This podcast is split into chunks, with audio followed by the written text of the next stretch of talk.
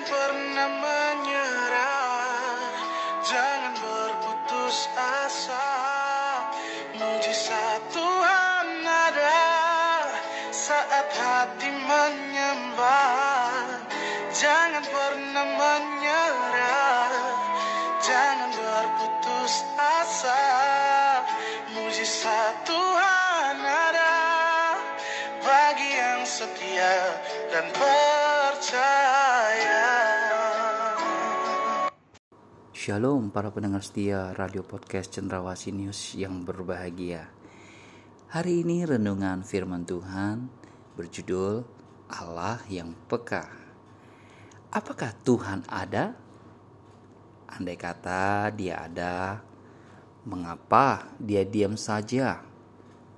Ketika masalah itu terjadi, ketika bencana itu terjadi, ketika persoalan itu terjadi. Mengapa hidup manusia harus penuh dengan berbagai kemalangan?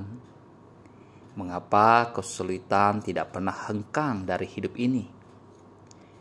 Saudara yang kekasih dalam Tuhan Yesus Kristus, Radio Podcast Cendrawasih News yang berbahagia. Demikianlah beberapa pertanyaan mendasar yang dapat muncul di hati orang yang hidupnya tengah dirundung berbagai kesusahan. Lalu, saudara, bagaimana menjelaskan hal ini kepadanya? Firman Tuhan katakan di dalam kitab keluaran kita mendapati kisah tentang Tuhan Yesus yang ternyata mau berurusan dengan persoalan manusia.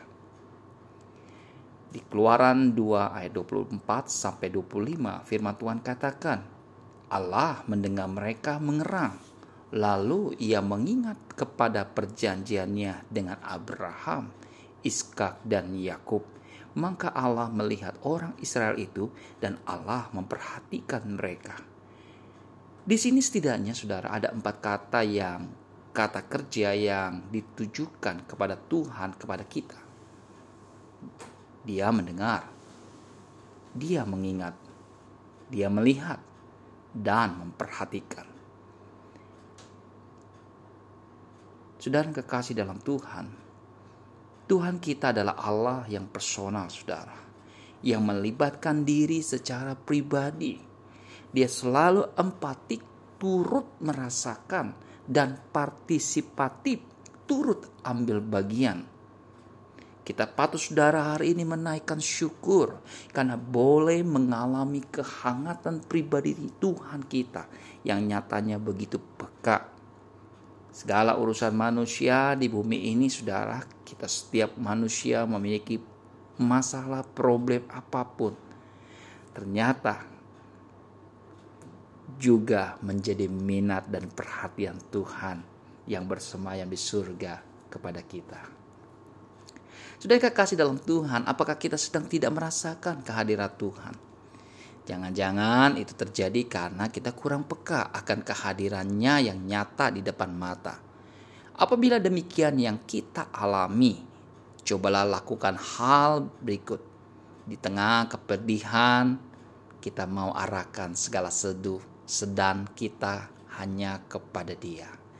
Dengan memanjatkan doa yang mengantar kita ke pelukannya dengan membaca firman Tuhan hingga kita tahu apa yang dia maksudkan dalam setiap peristiwa dengan menyanyi, menyembah, memuliakan Tuhan, memuji Tuhan. Semuanya akan menghangatkan hati kita sehingga dapat merasakan kehadirannya. Jangan pernah ragu untuk menyembah dia. Jangan pernah rugi meninggikan dia. Dia Allah yang patut dipuji. Bukan nanti tapi hari ini Anda mau menyenangkan hati Tuhan. Selamat beraktivitas, tetap semangat, sampai jumpa.